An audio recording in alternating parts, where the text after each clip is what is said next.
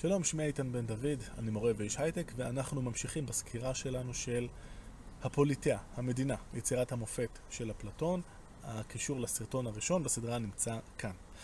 אנחנו נמצאים קצת אחרי הקביעה הנורא מהדהדת של סוקרטס אפלטון, לגבי זה שהדרך הכי טובה שתהיה אה, היא שה... או שהפילוסופים יהיו מלכים וישלטו במדינות, או לפחות שהמלכים והשליטים יעסקו עיסוק רציני בפילוסופיה.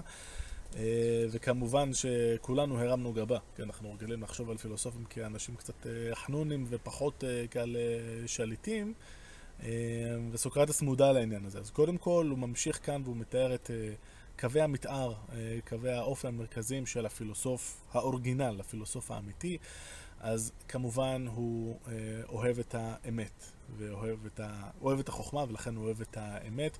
הוא יודע להבדיל בין הדברים החשובים לדברים הלא חשובים, ולכן כמובן שהוא לא יהיה אוהב בצע.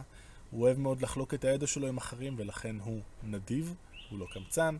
מכיוון שמהבוקר עד הערב הוא מתעסק במרחבים של האינסוף ובדברים האמיתיים, הוא מבין שמוות זה לא דבר כזה נורא, ולכן הוא גם לא פחדן, הוא לא פוחד מהמוות, ולכן הוא גם אמיץ. יש לו גם זיכרון טוב, והוא קל ללמוד, ועם כל אוסף התכונות האלה אה, של אומץ ויכולת אה, ללמוד וחביבות אה, וכולי, מדובר בחתיכת סופרמן. אדימנטוס, אחד משני האחים של אפלטון שנוכח בדיון, אומר לו את הדבר שכולנו רוצים להגיד, שמע, נשמע מרשים ו... ואין לנו ספק שאתה כזה אולי, אבל הרוב המוחלט של הפילוסופים שאנחנו מכירים, בוא נגיד, איך לומר את זה בעדינות, לכל הפחות אפשר להגיד שהם מתנהגים נורא משונה. אנחנו לא רואים את זה ממש קורה. וסוקרטס אה, אה, מסביר למה האדם הזה, הפילוסוף האמיתי, הוא, הוא כל כך נדיב. קודם כל מכיוון שיש בו מזיגה של יסודות שהם נורא שונים. אומרת, בצד אחד יש לו הרבה אומץ, בצד שני יש לו את היכולת אה, לשבת על הטוסיק וללמוד. כמו שאנחנו מכירים רוב האנשים שהם מאוד אה, אמיצים, יש להם אה, יכולות אה, בשדה הזה, קשה לראות אותם אה, מבינים את הצורך בלמשל לרדת לעומקם של 400 עמודים אה, של דיאלוג אה, של אפלטון. זה פשוט, אין הרבה אנשים שיש להם את היכולת גם פה וגם פה להיות מצוינים. אבל יותר מזה, יש אה, עניין של החינוך שהאדם זוכה לו, אה, וזה כולל גם את הסביבה. ואם לצטט, הנשמות שתכונתן הטבעית משובחת ביותר, נשחטות במידה יתרה כשהתחנכו בחינוך גרוע. למשל, אם אה, יש לנו נער צעיר, שאנחנו רואים שיש לו, אה, שהוא, שהוא מפגין הרבה מאוד תכונות טובות, כולם נורא רוצים למשוך אותו לצד שלהם. למשל, אם הוא גדל, גדל בחצר מלכות, כבר ימצאו אנשים שיסבירו לו שמה שהכי חשוב זה לחתור לכוח ולצבור כוח. כי אתה כזה מוכשר, אתה יכול להיות מנהיג, אתה יכול להיות מנהיג בקנה מידה היסטורי, אתה יכול להיות המנהיג, אה, וכן הלאה וכן הלאה. ומאוד קשה, בטח בגיל צעיר, כשכל הסביבה שלך דוחפת אותך לכיוון מסוים, להגיד, רגע, עצרו הכל, לפני שאני יוצא למסע כיבושים מטורף, סטייל אלכסנדר הגדול, אני רוצה להתעסק עם, ה, עם הדברים האלה עכשיו. אין הרבה אנשים כאלה שגם יש להם את היכולות האלה וגם את היכולת לאינדיבידואליות ולהתנגדות לסביבה, כי הסביבה לעיתים מאוד נדירות תדחף אותך להיות פילוסוף. אנחנו כמובן נורא נרצה שבמדינה האידיאלית שלנו, האנשים המתאימים כן יידחפו אה, להיות אה, פילוסופים ואחר כך יידחפו להיות מנהיגים, אבל נגיע לזה עוד בהמשך. מה הכי חשוב אה, לאנשים שאותם אנחנו מייעדים להיות אה, שליטים, אומר סוקרטס, הכי חשוב שיכירו את אידאת הטוב. בדיאלוג הזה, וזה לאו דווקא ככה בהמשך החשיבה היותר מאוחרת של אה, אפלטון, אידאת הטוב יש לה איזשהו מעמד על מבין כל האידאות. אה, רק אה, נזכיר בקצרה, אה, וזה גם מה שעושה פה סוקרטס, הוא נותן לנו איזה ריקאפ, איזושהי תזכורת על מה זה אידאות ולמה זה טוב. כל הדברים האלה נאמרו בפירוט בדיאלוגים קודמים של אפלטון, וגם נאמרו בפירוט בסרטון שלי על סוקרטס, שזה הלינק אליו, אבל נגיד בקצרה. בעולם יש הרבה דברים יפים, ויש הרבה דברים טובים, והרבה דברים אמיתיים וכולי. אבל וואלה, אף אחד מהם לא אמיתי באמת. בואו ניקח את uh, גל גדות לצורך העניין, אין ספק שעכשיו היא מאוד מאוד יפה, אבל היא לא, לא תהיה ככה לאורך המון זמן. Uh, ואני לא מתכוון דווקא לעוד 20-30 שנה, יכול להיות שזה עדיין יהיה המצב. תבואו לראות איך היא נראית עוד אלף שנה, וואלה, יהיה הרבה פחות מרשים. אבל יש את היפה כשלעצמו. יש איזושהי, זה נקרא אידאה, הרעיון של היפה, זה לא רק רעיון שנמצא אצלנו בראש, זה לא רק מושג, אלא משהו עם קיום ממשי, זה קיים באמת, אם כי לא בעולמנו זה, אלא בעולם אחר, העולם של האידאות. וכל הדברים שהם יפים כאן, הם יפים מכוח האידאה הזאת. הם איכשהו משתתפים באידאה הזאת, לוקחים בה חלק, זה החלק שהוא קצת אה, מעורפל, ואפלטון בעצמו מאוד יבקר את, אה, את זה אחר כך. אבל הכל, כל מה שאנחנו רואים כאן הוא כזה מכוח האידאות שהן אלה שנותנות לו את האופי האמיתי. אז יש לנו את האידאה של היפה כשלעצמו והאידאה של הטוב, שהיא האידאה המרכזית כאן. אמ, והאנלוגיה שאפלטון, סוקרטס עושה אה, בדיאלוג הזה, היא כל הזמן לגבי חוש הראייה והשמש. למה הכוונה? החוש הכי מגניב שלנו, כמו שכולנו יודעים, הוא חוש הראייה. מה מאפשר אבל את הראייה? אנחנו לא יכולים לראות שום דבר אם אין לנו את האור. ומה נותן לנו את האור? השמש, כמובן. השמש היא זאת שמאפשרת את הראייה. ובצורה דומה, האידאה של הטוב היא מה שהיא תנאי הכרחי לזה שאנחנו נתפוס כל דבר שהוא. זאת אומרת, להשכיל משהו, להבין משהו, לתפוס אותו אה, בתודעה, אנחנו חייבים בשבילו את אידאת הטוב. אפלטון לא לגמרי מסביר כאן איך זה בדיוק עובד, אבל אנחנו אה, מספיק מבינים את כוונתו, אני חושב. הוא ממשיך ואומר שהשמש היא לא רק נותנת את האור לראות את הדברים, אם נחשוב על זה, היא גם גורמת לקיום של כל החיים כאן. כי היא אה, מולידה אה, ומכלכלת ומזינה את הצמחים ובעקיפין גם את בעלי החיים, נותן, וגם לא בעקיפין עם החום שהיא נותנת וכן הלאה וכן הלאה. וכך גם האידאה של הטוב, היא לא רק אה, עוזרת לנו להשכיל את הדברים, אלא היא גם הבסיס לקיום של הכל. שוב, כאן התפיסה היא שאידאת הטוב יש לה תפקיד מאוד מאוד מרכזי, וזה לא תמיד יהיה ככה בחשיבה של אפלטון. ולכן אה, נורא ברור שמי שידע לתפוס ולהבין את האידאה של הטוב ולראות אותה, דרך ה... לא רק את ההשתקפויות שלה בצלליות שיש לנו כאן בעולם אה, שלנו, של הדברים הטובים, אלא יוכל לראות אותה באמת, הוא יוכל להיות המנהיג הכי טוב, מכיוון שהוא ידע גם לנווט את המציאות בהתאם. מעט, מעט אנשים יודעים לראות את הדברים האלה. וזה זמן רגע לחזור אה, טיפה אחורה, אה, זוכרים את הקטע שצחקנו על, על הפילוסופים, וסוקרטס אה, ניסה ככה להסביר למה זה קורה וכולי. אחד המשלים אה, שהוא נותן, אה.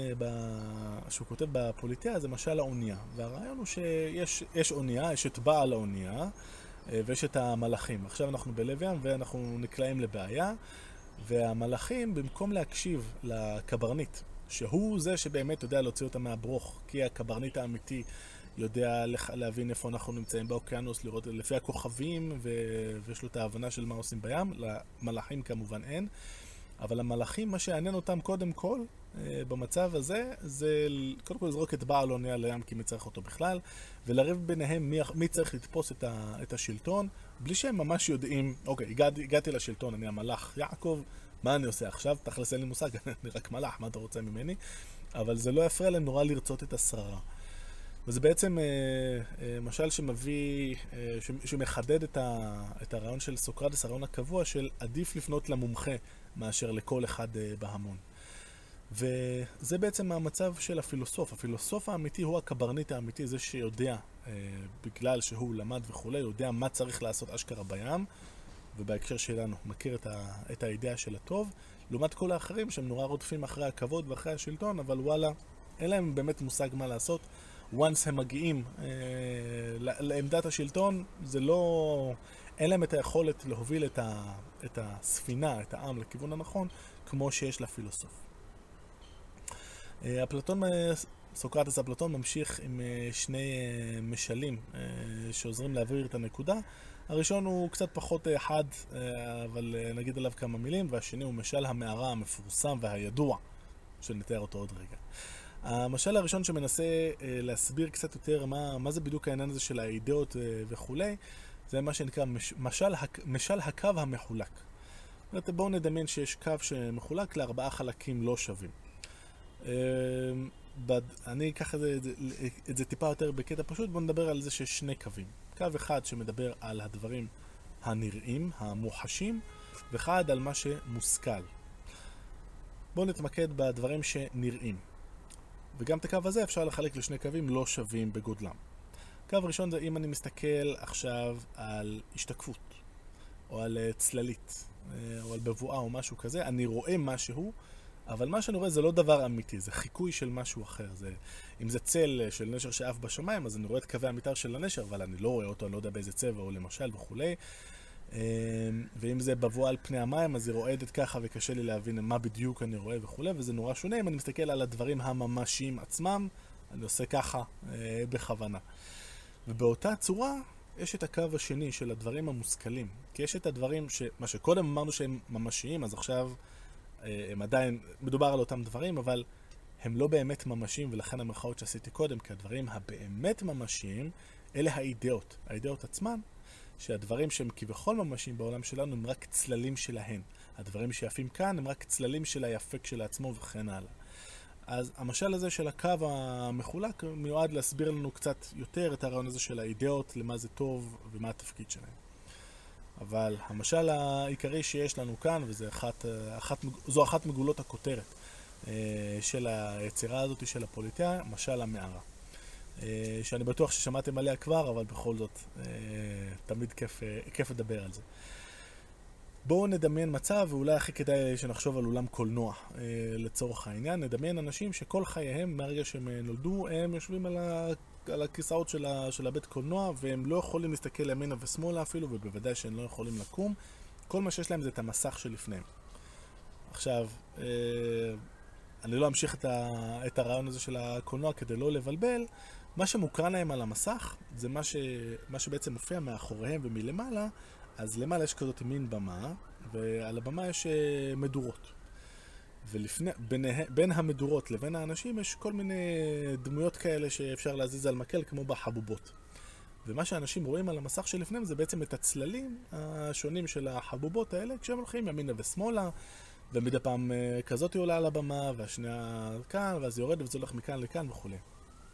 עכשיו, מבחינת האנשים האלה, מה שהם רואים, הצללים האלה, זה הדברים האמיתיים שיש בעולם. הם לא מכירים שום דבר שהוא יותר אמיתי מזה. ויכול להיות שיש ביניהם אנשים אה, שלאט לאט אה, מגלים איזושהי חוקיות באיך שהצללים האלה זזים. הנה, אחרי שפעמיים הצל הזה הולך ימינה, הצל הזה הולך אה, שמאלה, מה שמקביל קצת למדענים אה, אצלנו.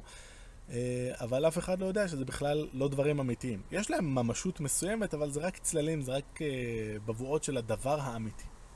ועכשיו, בואו נדמיין מה יקרה אם נבוא לאחד מהאנשים האלה, נפתח לו את הכבלים, נמשוך אותו בכוח, הוא לא ירצה לבוא.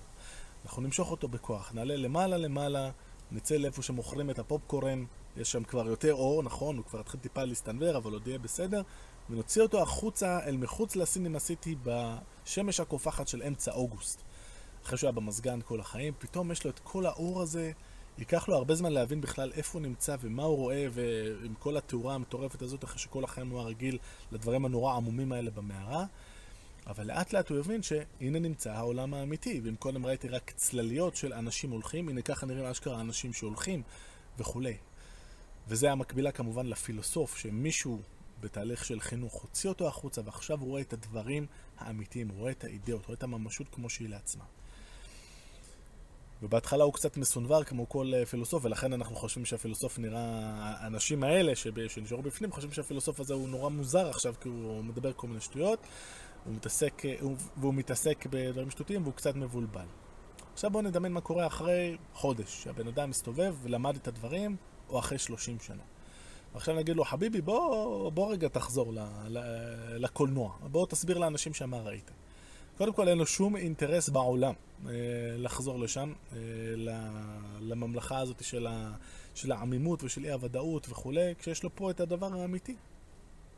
אבל אה, אם נכריח אותו ונשדל אותו ובסוף הוא הסכים, אז קודם כל בהתחלה, מכיוון שהוא חוזר חזרה לחושך, הוא ייתקל בדברים ועוד פעם כולם יצחקו עליו של איך אתה לא יודע להסתדר בעולם עם האפן והם לא יודעים שהוא יודע להסתדר, הסיבה שהוא לא מסתדר בעולם שלנו זה כי הוא נורא מסתדר כבר בעולם האמיתי.